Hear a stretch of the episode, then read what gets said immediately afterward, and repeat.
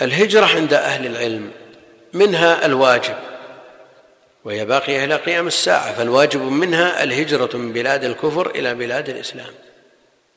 فالإقامة في بلاد الكفر لا تجوز حرام إلا لعاجز إلا المستضعف المستثنى الذي لا يستطيع حيلة.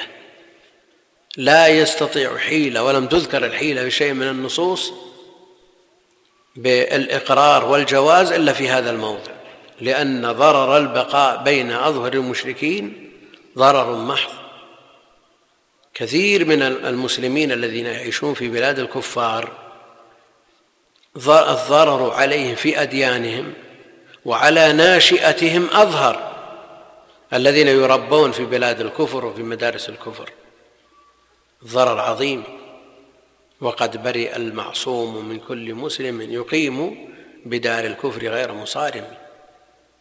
لا بد أن يهاجر إلا إذا عجز حينئذ يعذر.